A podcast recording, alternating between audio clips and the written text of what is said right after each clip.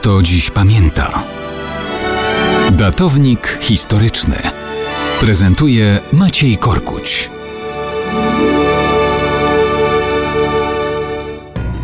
Mało kto dziś pamięta, dlaczego nowy rok świętujemy właśnie 1 stycznia. Zawsze tak było, powiedzą niektórzy.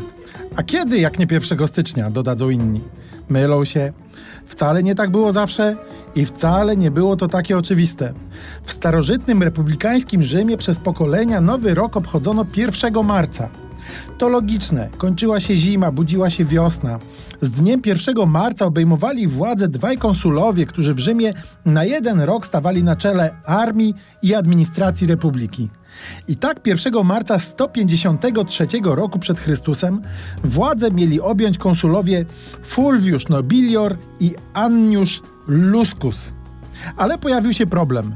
Wszystko przez to, że kilka miesięcy wcześniej, w okolicach jesieni i zimy roku 154 przed Chrystusem, wybuchło na Półwyspie Iberyjskim powstanie rdzennych ludów celtyckich przeciw Rzymianom.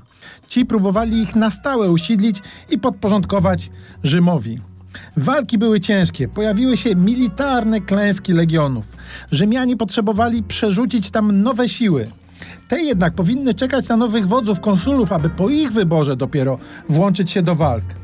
Dwa czy trzy miesiące bierności mogły jednak kosztować życie kolejnych legionistów wyżynanych w Iberii przez powstańców. Senat uznał więc, że hmm, trzeba przyspieszyć początek roku, aby wojenna maszyneria ruszyła niezwłocznie, już pod nowym dowództwem. Uznano więc, że nowy rok zostanie przeniesiony z 1 marca na 1 stycznia.